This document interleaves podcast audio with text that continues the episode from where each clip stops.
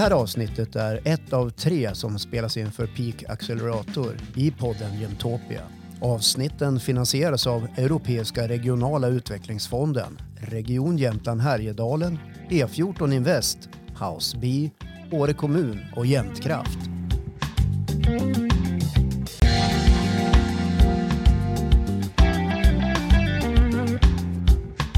Ja, varmt välkomna till podden Jämtopia eh, och eh, dagens avsnitt tillsammans med vår gäst Sofia Leffler Moberg som är hållbarhetsrådgivare på PWC i Stockholm. Varmt välkommen. Tack så mycket. Jag ska väl också för våra lyssnare eh, säga att du är ju mentor till mm. våra startups mm. i Peak Accelerator och har varit med i programmet i ett mm. år mm. och coachar våra mm. grundare. Precis. Och hur kom du in på hållbarhetsområdet? Vad är din bakgrund inom Oj, oj, oj. Ja, um, jag kom in på det här området av en slump, tror jag, eh, mest. Det, är, det som får mig att, liksom, att stanna kvar i det, eh, skulle jag säga är att i samma som jag kom in på det, det är att det är problemlösning. Att lösa problem. Jag är ingenjör i botten botten. Jag tycker alltid att det har varit roligt med så här svåra utmaningar. Hur kan man fixa grejer? Eh, hitta så saker som går på tvärs kanske annat. Liksom inte det här stuprörstänkandet och stuprörs, eh, inte just enskilda sakfrågor. Och jag hamnade i, liksom i hållbarhetsområdet av en slump. Och jag har ju, det är ganska länge sedan, det är 1999 eller 2000 som liksom var första gången som någon började prata om så här hållbarhetsfrågor och då var det en man som en del känner till, ganska många som heter Karl-Henrik Robert som hade det naturliga steget. Och eh, började prata liksom om de här med system och hur man ska lösa frågor. Och, och det där på något sätt slog an hos mig. Jag tänkte att det här är någonting jag vill lära mig mer om. Jag hade ett, ett jag hade precis börjat jobba, hade ett eh, så här, säljjobb på en, eh, en stor tillverkare av kemiska analyssystem och jag hade ansvar då för marknaden för så här, mm, universitet och högskolor som analyserade utsläpp i vatten och luft. Jag så här, borde det inte liksom vara fiffigare att inte få de här utsläppen än att hålla på och analysera så efteråt hur mycket det blev. Hur mycket skador hur mycket, hur mycket fel blev det istället. Ja. Så här, men nu ser vi till att det blir så lite fel som möjligt då. Så, att, så där, liksom på den, på den banan. Och så här, det här måste gå att göra på något smartare sätt. Och så har jag hållit på sådär, tror jag, i 20 år. Och hittat. Och så har jag hela tiden haft eh, lite små utflykter sådär i, i den ideella sektorn. Men alltid eh, gillat bolag. Gillat så här, vad bolag kan göra. Men också vad utmaningarna med bolag. Och sen nu på senare tid har det blivit mycket av det här med liksom bolag och vilka de är. Så här, vem är ett bolag i samhället då? Är, vem är bolaget som samhällsaktör? Och hela den här förflyttningen från kanske det, det, liksom, de onda bolagen som det var kanske när jag började med de här frågorna för 20 år sedan. Näringslivet stod för någonting faktiskt ganska negativt ur, ur ett hållbarhets... Eh, det var elaka bolag. Och så ser det ju verkligen, verkligen inte ut längre. Eh, så den där resan har också varit jättespännande att vara med om. Det är ett långt svar på en väldigt en stor och komplex fråga. fråga. Ja, Nej, men det är väldigt ja. intressant eftersom det speglar ju en utveckling som har skett under de här mm. 20 åren precis som du säger. Mm. När man pratar ju mycket om corporate social responsibility mm. i början på 90-talet. Mm. Och sen nu har vi liksom landat i att det är en självklarhet ja. att det måste finnas experter i bolagen och ja. jobba med. Och nu är det även lagstiftning på gång. Precis. På annat sätt. Precis. Det, har ja, men det, händer ju, det har hänt och händer otroligt mycket. Um, och jag, jag, tänker att man, man kan liksom Ibland kan, eh, känns vi kan ibland leva kvar i det här, apropå det vi säger om, om corporate social responsibility, det här att det är det är klart att man har ett ansvar för saker, man har ett som bolag eller som medborgare eller så. Men det jag tycker är den stora förflyttningen som har skett är att det finns det här, liksom, hela förflyttningen till värdeskapande sidan. Eh, och det var någon som sa igår, så här, eh, vi pratar om, är vi värderingsdrivna eller värdedrivna? Och eh, det kanske är så att det har gått liksom från att vara värderingsdrivet till att faktiskt blivit värdedrivet. Bara att man behöver hitta liksom, vilka är de här hållbara värdena. Eh, och sen i den bästa världen så lirar ju de där ihop såklart. Eh, men det har varit en spännande, spännande resa. Ja, du har jobbat i stora företag också mm. som hållbarhetschef i Postnord till exempel. Ja, ja jag har varit på Post. Det, det, verkligen, och jag menar, det, det kanske inte nödvändigtvis alltid är storleken som är, är det mest spännande, även om det är klart det är spännande med stora bolag för det blir liksom ännu fler utmaningar. Men, men det som är spännande är ju, jag, jag, gillar den här varumärkesfrågan och inte kanske just för branding utan för det som handlar om förtroende. Mm. Och det förtroende bolag liksom behöver eh, få i, i samhället för att kunna göra det de vill. Och det behöver de göra tillsammans med andra och de här andra kan vara liksom offentlig sektor och den idéburna sektorn, människorna som bor i samhället, medarbetarna i företaget. De här som kanske vill bli medarbetare i företaget i framtiden. Så det, därför lockas jag liksom till den här typen kanske av bolag i det fallet som kanske har utmaningar på, på ett eller annat sätt och där varumärkesfrågan är ganska viktig. Så att jag, för ganska länge sedan nu så jobbade jag på Vin och Sprit, eh, när det fanns fortfarande superspännande, liksom otroligt starka produktvarumärken men kanske en ganska okänd koncern som skulle säljas och det var statligt ägt och så höll vi på med sprit och det var liksom alla hållbara Sprit och samhällsansvar. sprit och samhällsansvar och ekologiskt. Som vi har en eh, folkrörelse kring i Sverige. Absolut. Och så här ekologisk odling och nej men det, hur mycket mm. flaskor kan man dra över Atlanten? Alltså det, jag menar det, det, är massor med spännande frågor eh, såklart. Och, och liksom få ihop det där på ett sätt som lirar med vad ett bolag vill stå för. Det är jätte, jättespännande. Eh. Ja och när man ska gå från ord till handling mm. som ju du i din roll mycket att du mm. har fått saker att hända.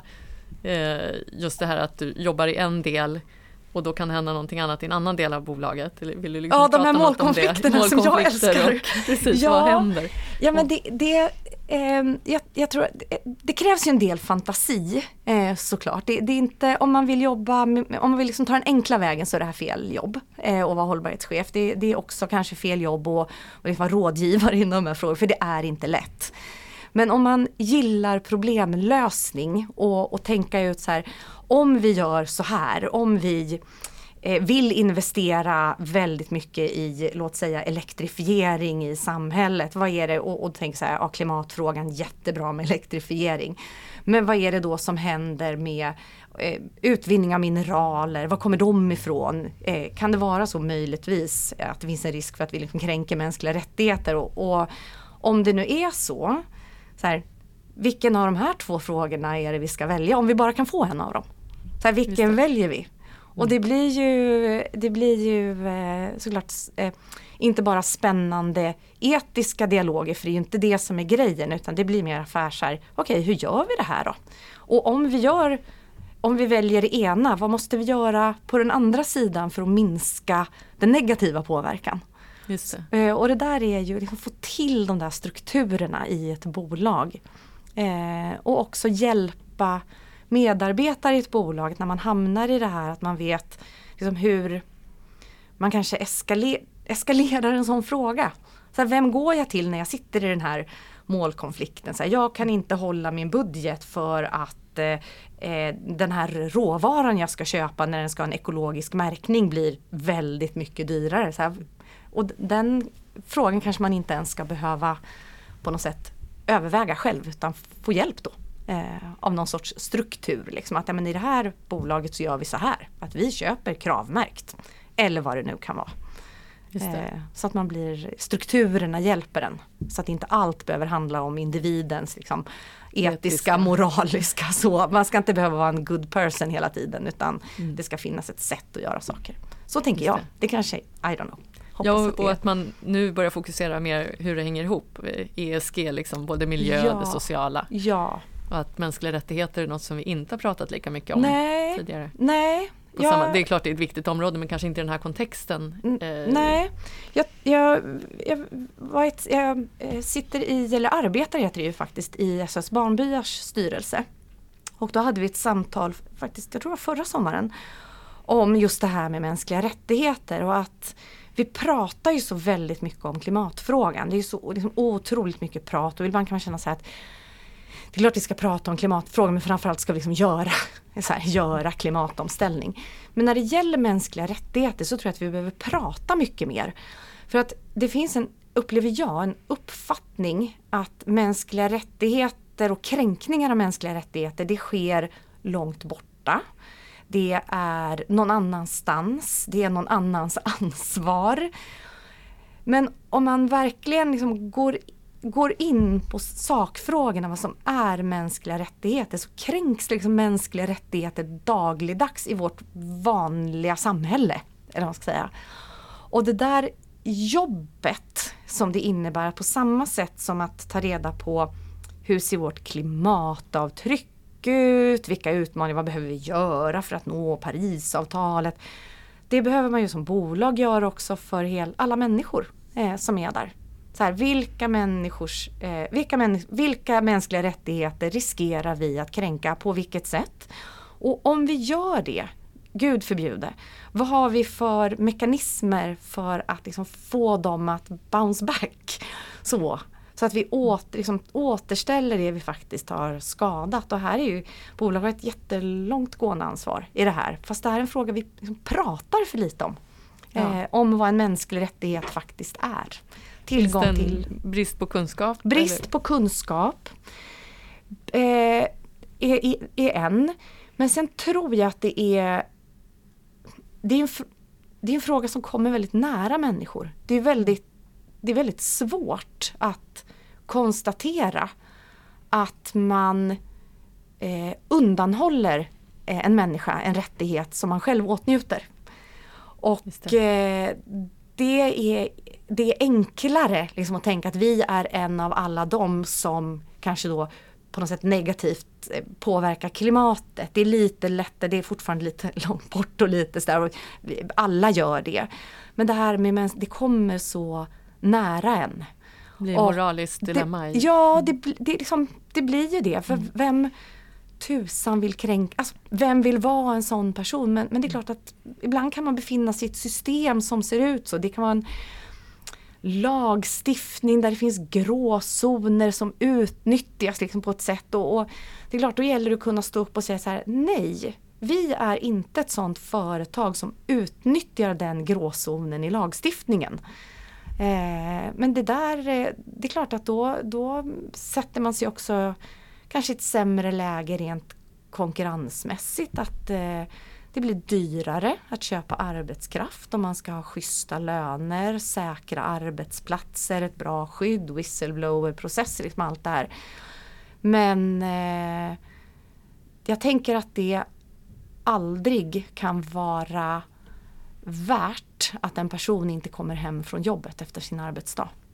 Det, det är liksom så här grundläggande och sen allt annat. Eh, men eh, det, det är jättes, jättesvåra frågor såklart. Men också ja, spännande och som man ja. också kan ta sig an Viktiga. på ett systematiskt sätt. Tänker jag. För det är det där som är grejen och inte bli känslomässig liksom, utan göra så här, okej, okay, hur ser det ut? Var är de största riskerna? Vad kan vi göra? I vilken takt ska vi göra det? Hur mycket pengar kommer det kosta? Vem ska betala? Och hur ska vi följa upp det? Just det. Ja, för du nämnde det när vi pratade tidigare att det, mm ibland är hållbarhetsfrågorna lite onödigt komplicerade ja. eller verkar lite sådär avskräckande kanske mm. att ta sig in i när det egentligen, menar du, är precis som vilken annan företagsledningsfråga som helst? Ja. Eller vill du ja. säga något mer om det? Ja, eller har men, du sett det ja, i ledningsgrupper? Ja, det Ordet fluff är ju något som har följt mig i 20 år. Så där, och jag är ingenjör. Människors liv och död och sånt där. Fluffigt. fluffigt som människors liv och död. Mm. Eh, och det är klart, liksom, ingenjörigt, så jag tycker ju inte att det är fluff. Sen går inte allting att sätta en KPI på, absolut, så, så är det ju. Men det går, liksom, det går ju att förhålla sig till de här frågorna på ett, ett eh, så systematiskt, konkret eh, sätt där man, jag menar, kan du inte mäta någon 17,2 KPI på slutet så kan du i alla fall ungefär veta vilka aktiviteter som är bättre och vilka aktiviteter som är kanske sämre. Det är inte jättesvårt jämt. Och ni tar en risk vilket beslut ni än fattar. Ja, och, ja. hur ni än gör så, så, finns det en nedsida och en ja. uppsida. Ja. Och då vill man kanske inte fatta det mest riskfyllda beslutet Nej. då som företagsledning eller gå Nej. på det vi alltid har gjort. Nej. Så kan ingen i alla fall skälla på oss för det. Precis så, så, så kan det också vara. Ju. Det finns ju liksom en, en eh, en trygghets, eh, trygghetsgrej i det där. Att det man alltid har gjort är ju såklart alltid tryggare. Men sen kanske risken blir så stor till slut att man förlorar någonting man väldigt gärna vill ha. Låt säga en viktig kund. Eller allmänhetens förtroende eller någonting annat. Och då börjar man ju titta lite på de här frågorna på ett annat sätt såklart. När liksom risken för en annan förlust blir väldigt stor. Just det. Och det eh. inser man kanske lite väl sent då i vissa Ofta fall. gör man det, tror jag. Men jag tror också det som du inledde med att säga den här liksom, tsunamin som kommer över oss av liksom, lagstiftning kring hållbarhetsfrågor, kring rapportering och transparens och så här, hur man liksom visar vem man är. Jag tror att det kommer att snabba på eh, en omställning. Just nu så dränks många i det här, liksom själva rapporteringskraven. Eh, och det, det, är klart att personligen kan jag tänka så här, gud vad kommer hända med all så här eh, all umf som är liksom all strategisk utveckling och all aktivitet. Vad, vad kommer hända med den nu när så alla ska sitta och rapportera en massa grejer. Men samtidigt i det långa loppet så kommer ju den här liksom transparensen rimligen att, att driva att man ser på liksom en positiv utveckling och kanske kan så här, sålla agnarna från vetet. Och, och, att de pengar som vill vara gröna kommer veta vad de ska gå och de pengar som vill vara liksom hållbara i en bredare kontext de, de går till bolag som jobbar med liksom, en social och, och miljömässig eh, utveckling. Så. Just det, och det men, finns ju fler och fler ägare som går i den riktningen men där har man ju då kanske gått lite vilse i, i den rapportering som varit hittills? Ja. Eller vill du säga något om det eller vad tror du om framtiden? Vad, vad, för att den här ja. rapporteringen nu då ska ha ett bättre utfall och, och verkligen göra skillnad? Vad... Ja, det är... Jag, jag brukar alltid tänka sådär om att det handlar om relevans och förståelse. Och eh, under de här åren som jag jobbat, jag har läst sjukt många års hållbarhetsredovisningar.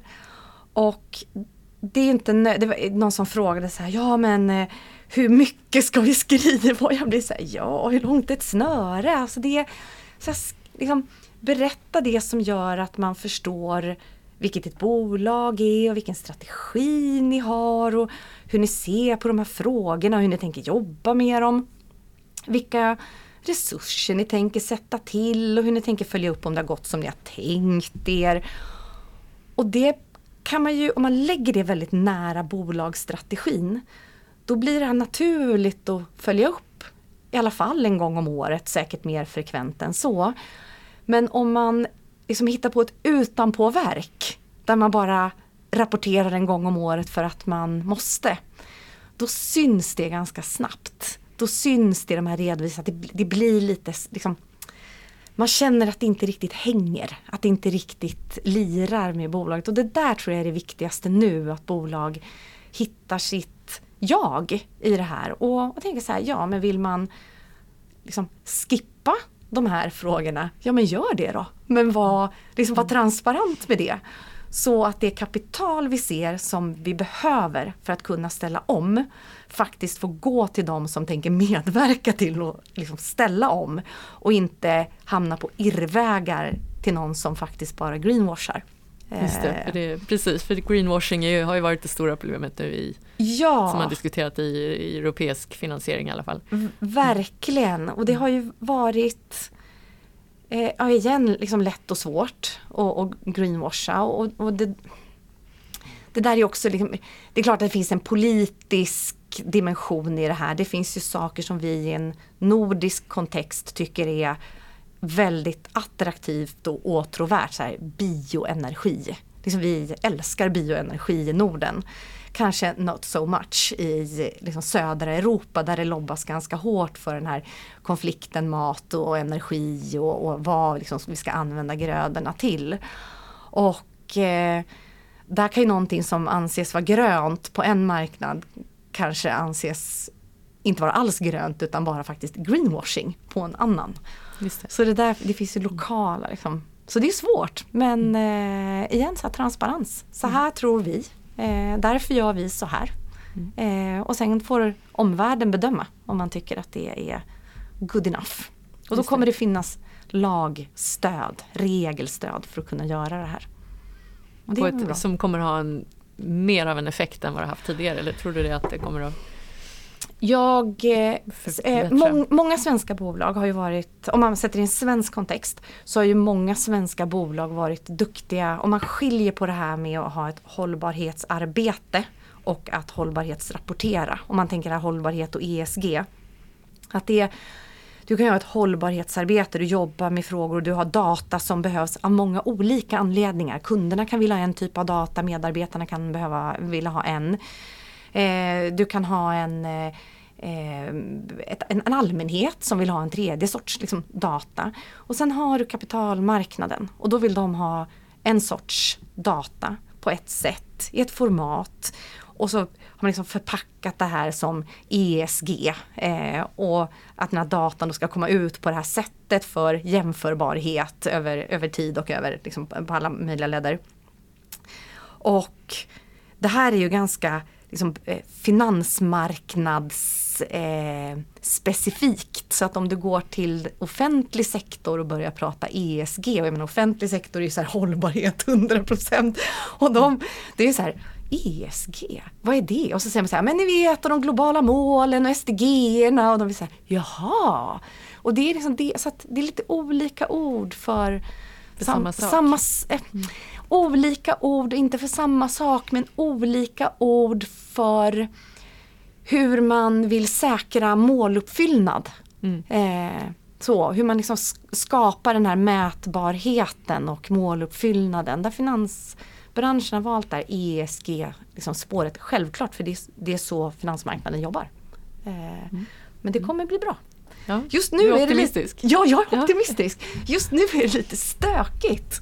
Eh, men, men det kommer ja, som i alla bli omställningar. Som ja. i alla omställningar. För det pågår precis just nu för de som kanske inte sitter och läser EU-lagstiftning. Ja, dagligen. för de som inte sitter och läser EU-lagstiftningen så pågår det just just nu att eh, stora svenska bolag liksom förbereder sig, inte bara förbereder sig, jag säga finansmarknaden eh, inte bara förbereder sig utan de är ju full fart. Eh, stora svenska eller europeiska bolag förbereder sig för den här rapporteringen.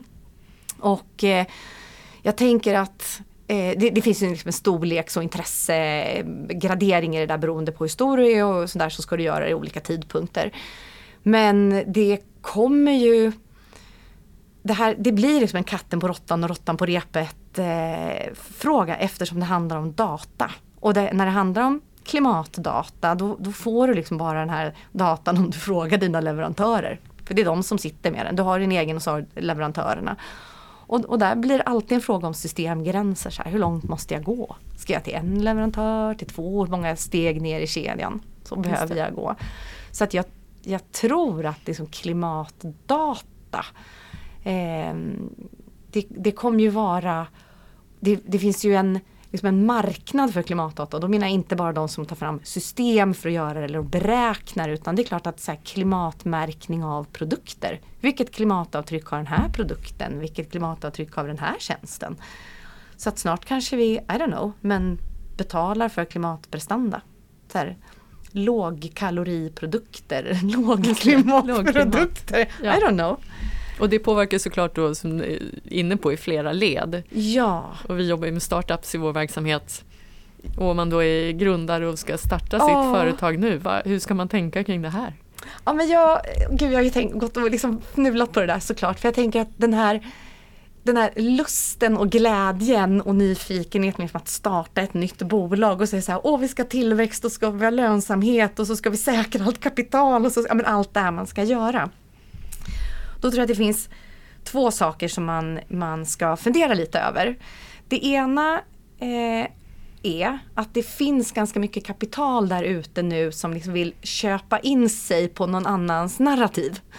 Eh, att man vill, ja nu finns det ju inte mycket kapital där ute alls för någon men, men så det är lite stökigt men men det, liksom, det finns kapital som är så här, som de vill, de vill liksom köpa in sig i den gröna berättelsen eller den sociala omställningsberättelsen. Att fundera ut om man ligger i närheten av att vara ett sånt bolag. Då kanske man redan när man är lite mindre ska fundera på om man kanske ska bli ett sånt bolag ännu mer. Och, en, och liksom ha det som en tanke framåt. Att här, men vi ska nog vara, man kanske inte nödvändigtvis behöver säga att man är ett impactbolag. Men, men att man så här funderar, vad är det för problem vi löser för samhället? Så här, och på vilket sätt gör vi det? Mm. Och sen kunna visa att man verkligen löser det problemet. Det vill säga inte bara säga att man tror att man gör det. Utan säga, vi vet att vi eh, ersätter X av det här med Y sådana här och då har det resulterat i Z, eh, någonting positivt rimligen. Att det liksom blir en del av ens faktiskt affär och ens berättelse. Det är det ena.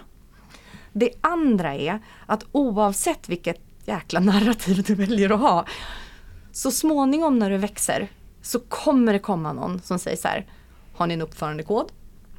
Har ni beräknat ert klimatavtryck? Har ni koll på era arbetsvillkor för de som jobbar hos er? Alltså, den här, de här frågorna kommer komma.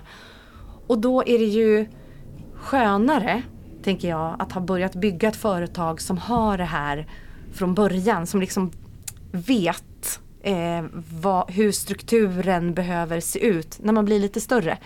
Eh, och inte behöver bygga det då, utan att man har det från början. För det är också en kulturfråga.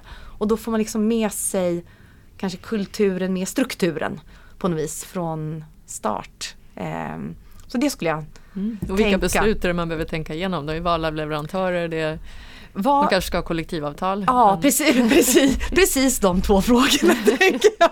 Det är så här, val av leverantörer, kollektivavtal, ha en, ha en tanke om vem, vem man vill vara partner till och liksom jobba med och ha, det är klart man inte sitter och väljer bort kunder på det sättet men, men tänker att så här, vilka är det vi vill utvecklas tillsammans med? Och det är det man mm. ser på hållbarhetsområdet just att den här kundleverantörsdynamiken den ändrar sig lite. Det kan, man kan se att att leverantörer, kan, leverantörer som har en väldigt, väldigt liksom stark produkt hållbarhetsmässigt så kan lite grann säga till en kund så här, nej, vi är inte intresserade av att ha, ha dig som kund för att du är inte tillräckligt progressiv så du får inte vår första liksom, serie av det här utan det tänker vi ge till de här som vi kan bygga gemensamt varumärke tillsammans med för att de vill samma sak som vi framåt. Det. Och det där har blivit en ändring eh, just i de här frågorna. Att man vill hänga med någon som har samma ambition som man, som man själv har. Eller som liksom mm. kan driva ens ambition. Mm. Eh, så man kanske hellre väljer en kund då som, som vill liksom gå med en eh, på det sättet. Än kanske en annan kund som är lite, lite mer tillbakadragen. Eh. Just det, så det låter ju som att man har ganska mycket att vinna på att gå i, ja, första ledet. I det ja, vad, vad, har man att förlora då? Varför gör inte fler det? Eh, eh, man, det kan bli fel. Det är en risk, det är alltid jobbigt att vara först. Man kan göra fel Gör som misstag. ingen annan har gjort. Det är jättejobbigt.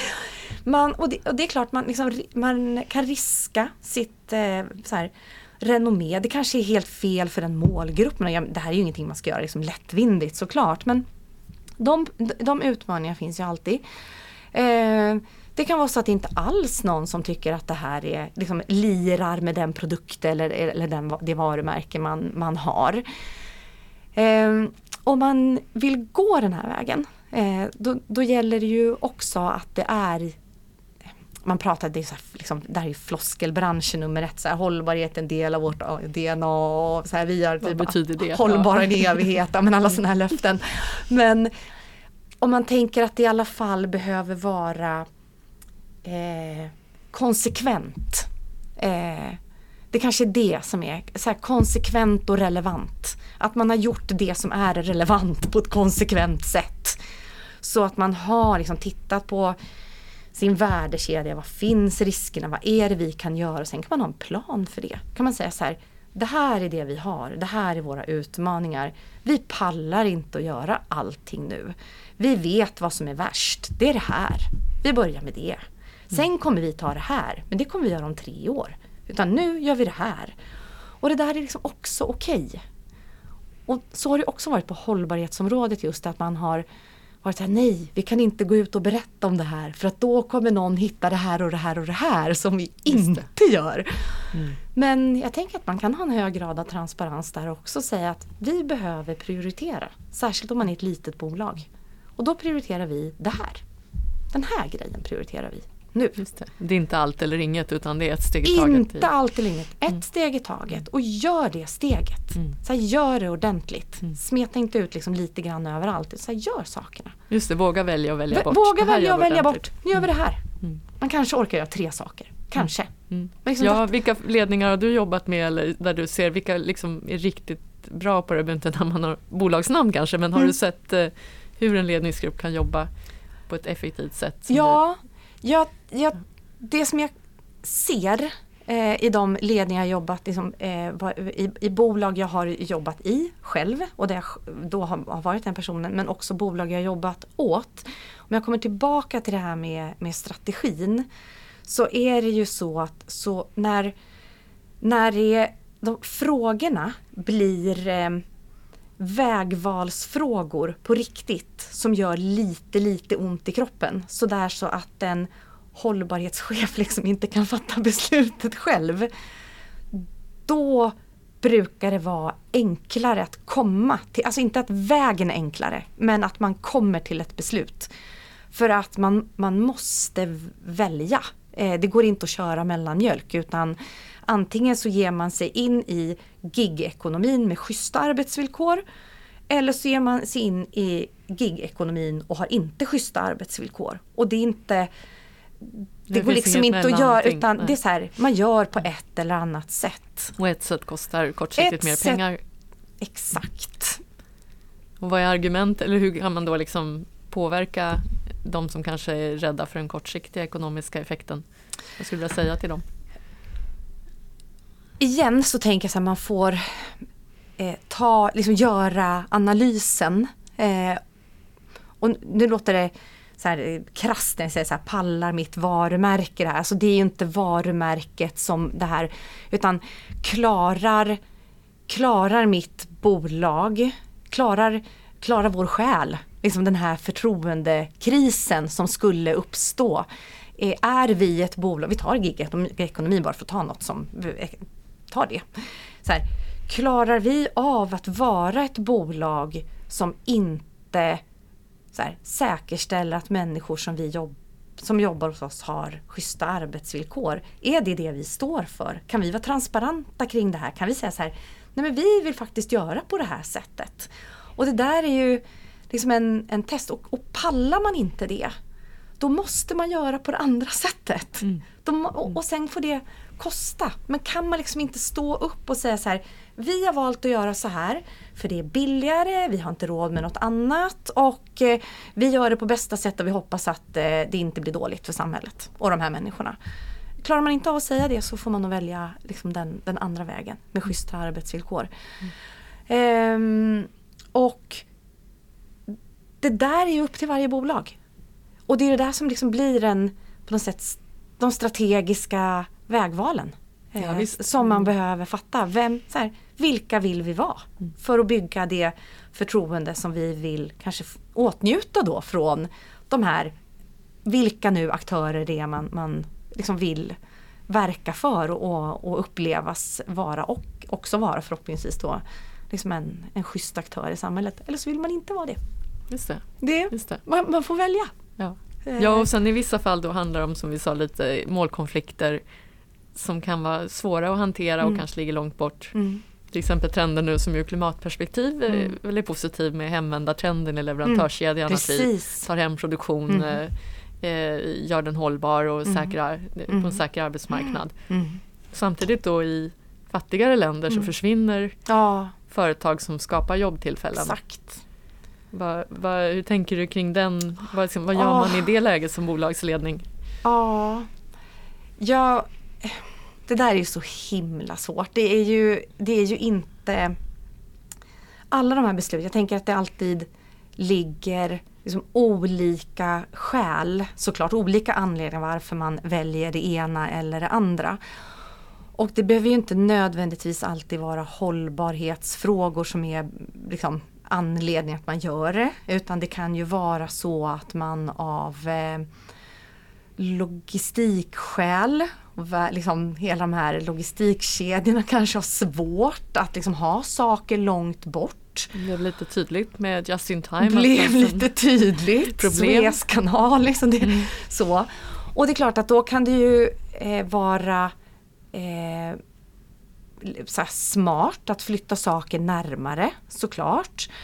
Eh, och då kan det finnas liksom hållbarhetsargument för att göra det också. Eh, och att det kan liksom kännas bra att eh, ja, nu flyttar vi hem det här och det blir närmare och sådär. Och, och det är ju bra. Men det hade ju också varit bra att göra det där jättebra på något annat ställe, mm. tänker jag. Och liksom säkra att personer som står oerhört långt från arbetsmarknaden i ett annat land får åtnjuta de förmåner som kanske vi får ha på vår lokala marknader. Eh, våra lokala marknader. Och jag kan inte, det där är en sån här fråga som jag tror all, inte alla sitter och brottas med men där liksom den här komplexiteten blir så stor. Så att om, om någon säger att det beror på en sak. Om någon säger så här, av hållbarhetsskäl har vi flyttat hem det här till Sverige. Då tror jag man ska dra öronen lite åt sig.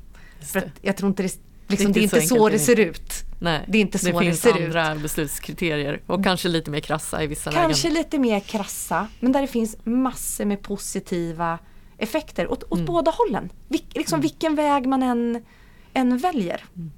Men för att komma faktiskt till, eh, apropå det här med liksom långt bort och långt ifrån arbetsmarknaden. Och så jag, jag kan också tänka att om man nu flyttar hem eh, någonting så skulle man ju vilja liksom slå ett slag för att man då också ser till att säkra arbetstillfällen för de som faktiskt inte kanske har haft så stora möjligheter att få jobb innan. Om man till exempel flyttar hem produktion som ofta är enklare eh, arbetsuppgifter så vore det väl rimligt liksom att man tänker så här, vilka är det som har störst behov av att få de här, liksom de här instegsjobben, den här möjligheten liksom att få ett första arbete, att få komma till jobbet, att få lära sig. Så här, så här gör man när man jobbar.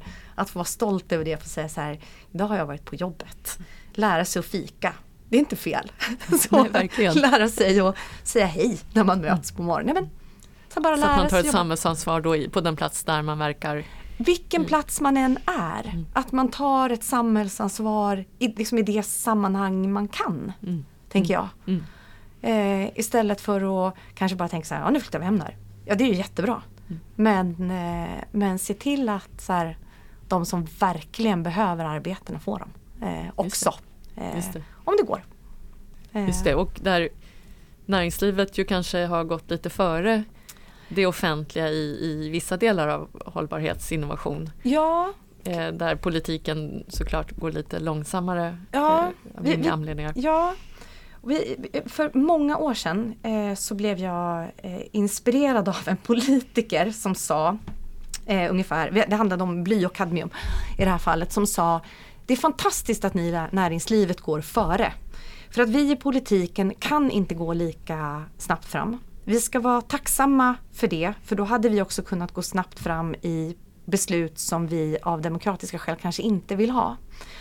Och den här liksom, takten som näringslivet kan ha och kanske göra grejer lite snabbare. Eh, nu, nu, är ju eh, Just nu är ju deltat mellan liksom takten som näringslivet har eh, på hållbarhetsområdet och det politiken har på hållbarhetsområdet är ju tyvärr kanske det största vi liksom någonsin har sett. Eh, när näringslivet drar ifrån på ett eh, It's unheard of. Mm. Och eh, vi kanske inte riktigt behöver ha så här stor skillnad mellan vad näring, näringslivet måste ju liksom också få förutsättningarna. Men jag tror att vi behöver finna oss i att näringslivet eh, ska gå snabbt fram, ska ligga för och ha liksom möjligheten att testa på ett annat sätt än vad vi kanske vill att offentlig sektor faktiskt ska kunna ha. Vi kanske inte vill att offentlig sektor ska kunna experimentera för mycket. För mycket innovation Så, och risk. Och... inte för mycket innovation och risk. Förrän vi, vi har säkrat att det faktiskt funkar. Precis, och vi, vi pratade om vid ett annat tillfälle här i, på PVC i samband med en, en, eh, en utredning vi höll på med om, om eh, vården. Och så sa vi det att det kanske ändå är kanske ändå är skönt för oss att, vård, att det finns en robusthet i vården. Att det liksom inte kan flacka för mycket fram och tillbaka utan att det, det är så här, liksom medicinskt beprövat och evidensbaserat och sådär. Att det ändå finns en, en poäng med att vården eh, applicerar den typen av principer. Men att kanske då näringslivet kan liksom ta en annan fana och, och säga så här, okej okay, vi testar på ett annat sätt. Ehm, och, och sen tycker jag man behöver tänka på vems, vems pengar är det?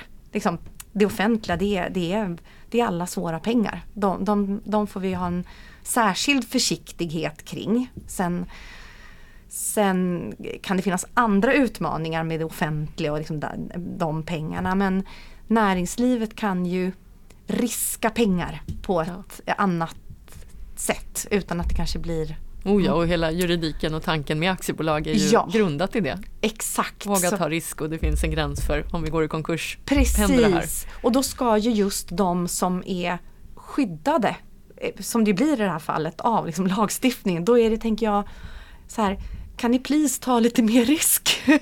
så, eh, gör det. Eh, För det är nog det som kommer behövas. Och testas och utmanas och jag, jag, tror att det behöver gås fel ganska många gånger. Jag tror att det behöver liksom gås fel men med en tydlig riktning.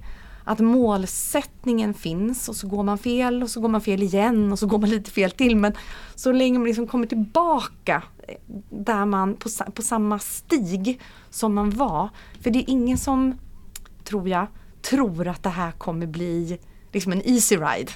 Utan vi kommer behöva testa grejer och, och människor som vill testa de, de, ehm, de ska låta de, de, måste få förutsättningarna att testa. Just det, så från ägarsidan och ett medskick till ägarna till våra bolag. Verkligen, verkligen. Så här, test, våga med våga högre risk och låta ledningen ja. göra fel ibland. Låt ledningen göra fel. Mm. Och det här Eh, det var också något annat sammanhang, det var ett bolag vi pratade om och då så var, eh, eh, och det handlade om kvalitet och så sa de, ja vi slår, när vi har levererat med, när, när vi har haft en produkt som, som inte har den kvalitet vi vill att den ska ha, då, då slår vi så himla hårt på oss själva internt. Men kunderna är aldrig lika missnöjda. Och det där, det där tänker jag, det väckte liksom tankar. Jag tänkte så här, men varför, varför vara så hård mot sig själv istället för att tänka så här, okej okay, nu blev det, det här fel, då får vi liksom utveckla det eh, bättre. Och istället för att i det här fallet med det här bolaget blir det nästan så att de ledsnade. Och vi kan liksom inte ledsna nu.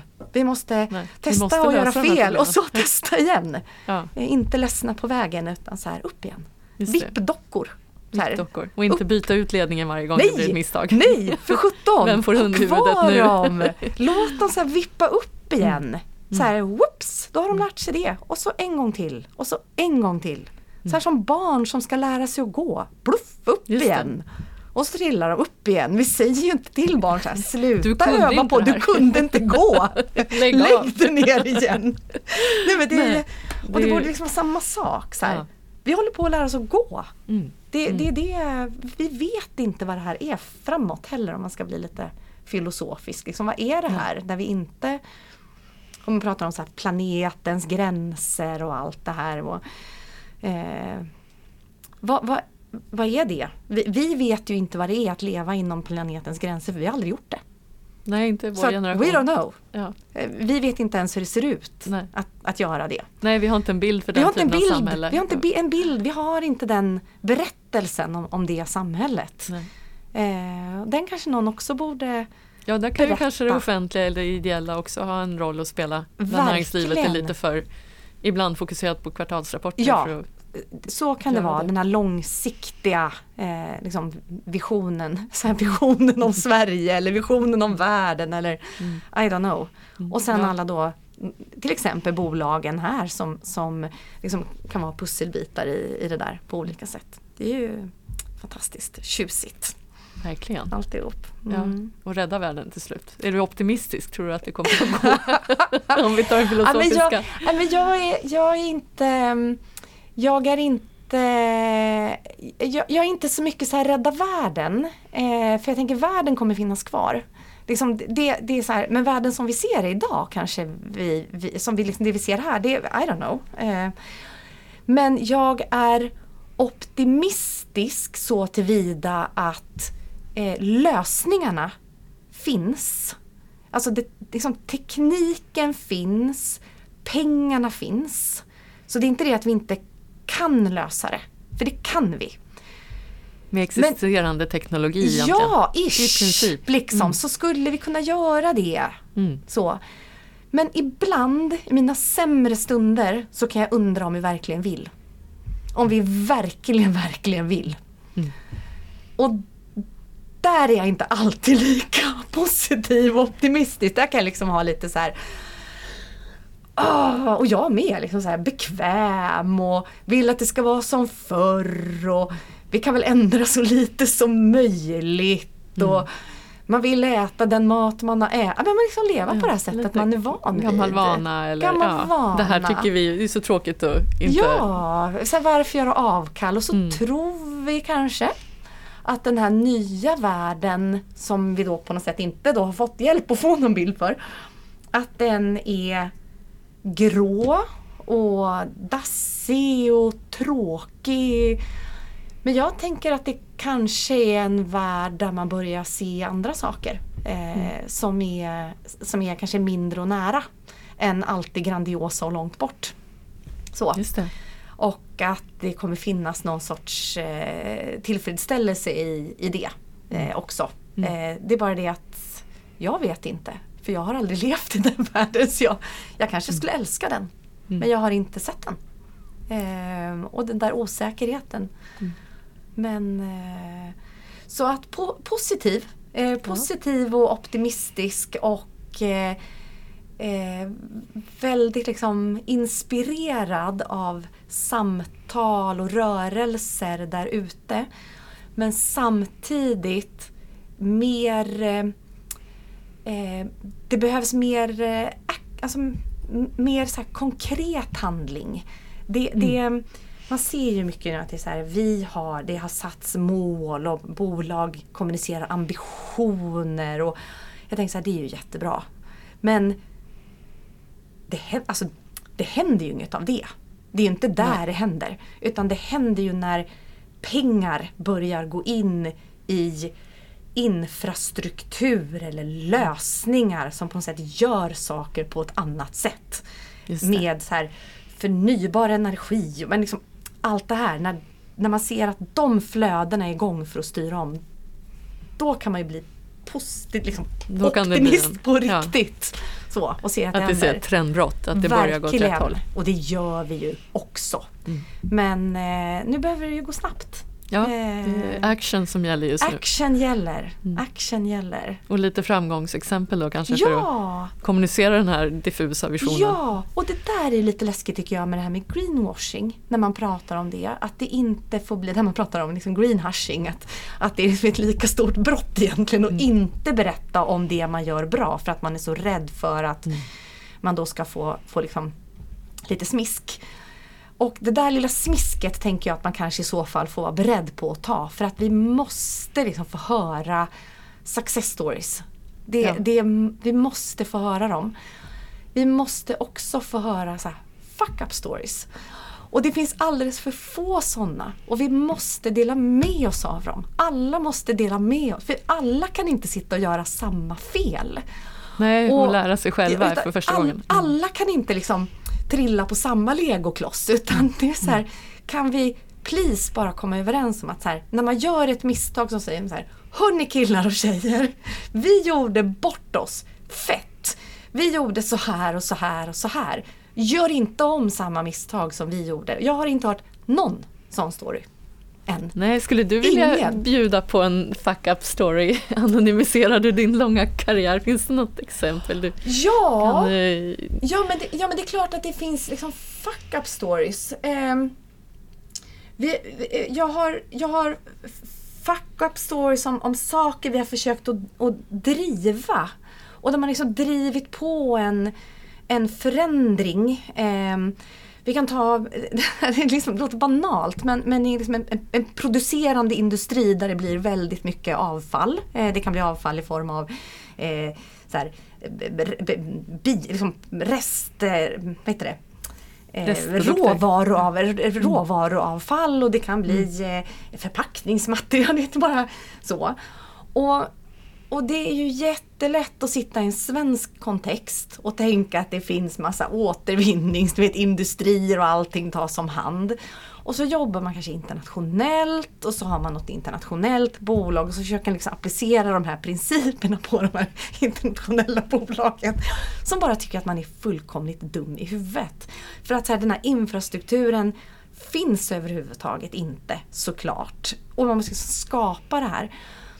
Och då kanske inte alla behöver göra samma misstag att ägna typ ett år och ligga på ett land där det absolut inte finns någon infrastruktur. Utan det, då kanske vore bättre att man sa så här, okej, okay, alla vi är i det här landet utan någon infrastruktur.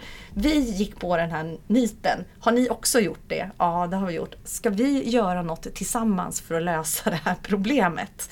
Just det. Istället för att liksom fem parter sitter och bara stöter i, i kaklet.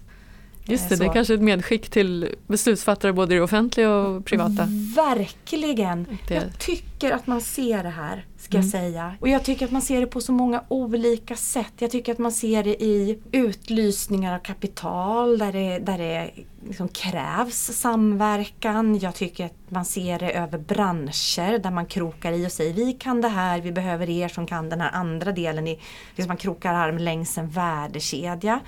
Jag tycker att man ser samverkan mellan eh, offentlig sektor och näringsliv och ideell sektor i vissa branscher för att lösa stora samhällsutmaningar. Så det händer ju något där ute nu som, som är jätte, jätteintressant.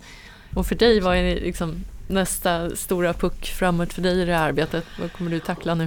Eh, det, det, är, det är lite olika saker tror jag. Det, är, det finns ju det som handlar om eh, ja, men det som vi var inne på lite början med så struktur och kultur och hur får, vi, hur får vi saker att hända snabbt i bolag. När vi ska göra nya grejer som vi aldrig har gjort förut och vi vet inte hur det ska gå till. Och så ska man så här mobilisera alla sina medarbetare.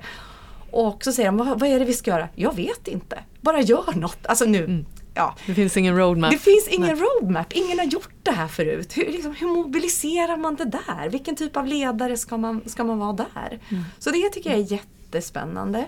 Sen tycker jag att det här som händer med liksom kapitalet och det här liksom startup space. Alltså det är de här mindre bolagen som kan vara snabba och inte har en massa legacy utan kan faktiskt forma forma allting från grunden.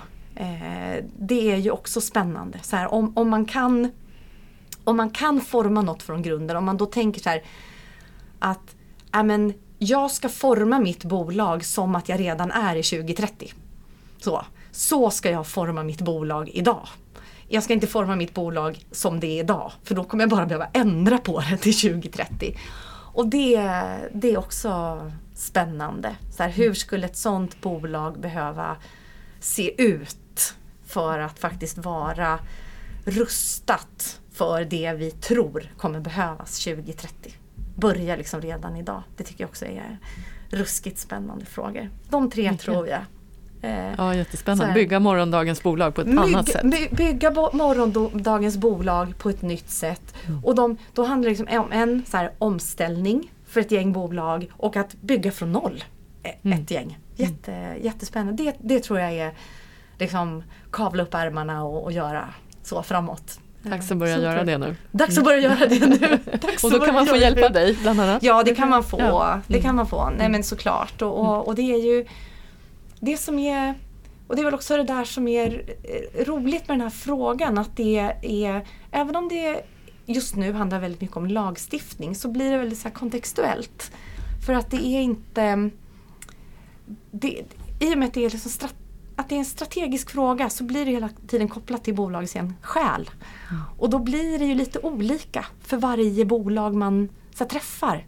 Så det blir alltid en liten, det finns nästan ingen liksom off the shelf lösning och det är också väldigt roligt såklart. Eh, när man får jobba med det. Mm. Så det spelar roll vem som grundar morgondagens bolag? Det spelar roll vem som mm. grundar morgondagens bolag. Mm. Verkligen. Verkligen. Men fantastiskt spännande att höra både om din erfarenhet av det här området under 20 år och dina initierade tankar om framtiden. Jag känner mig inspirerad, hoppas våra lyssnare gör det också. Verkligen, tack för att jag har fått vara med och tack för att jag har också fått vara en del liksom av, av det som ni håller på med i PIK. Det är jätte, ja, jätteroligt och spännande. Ja, vi är så glada att ha med dig som mentor och ja. eh, hoppas på fortsatt samarbete. Yes. Tack, tack så mycket för idag. Tack. Hej då.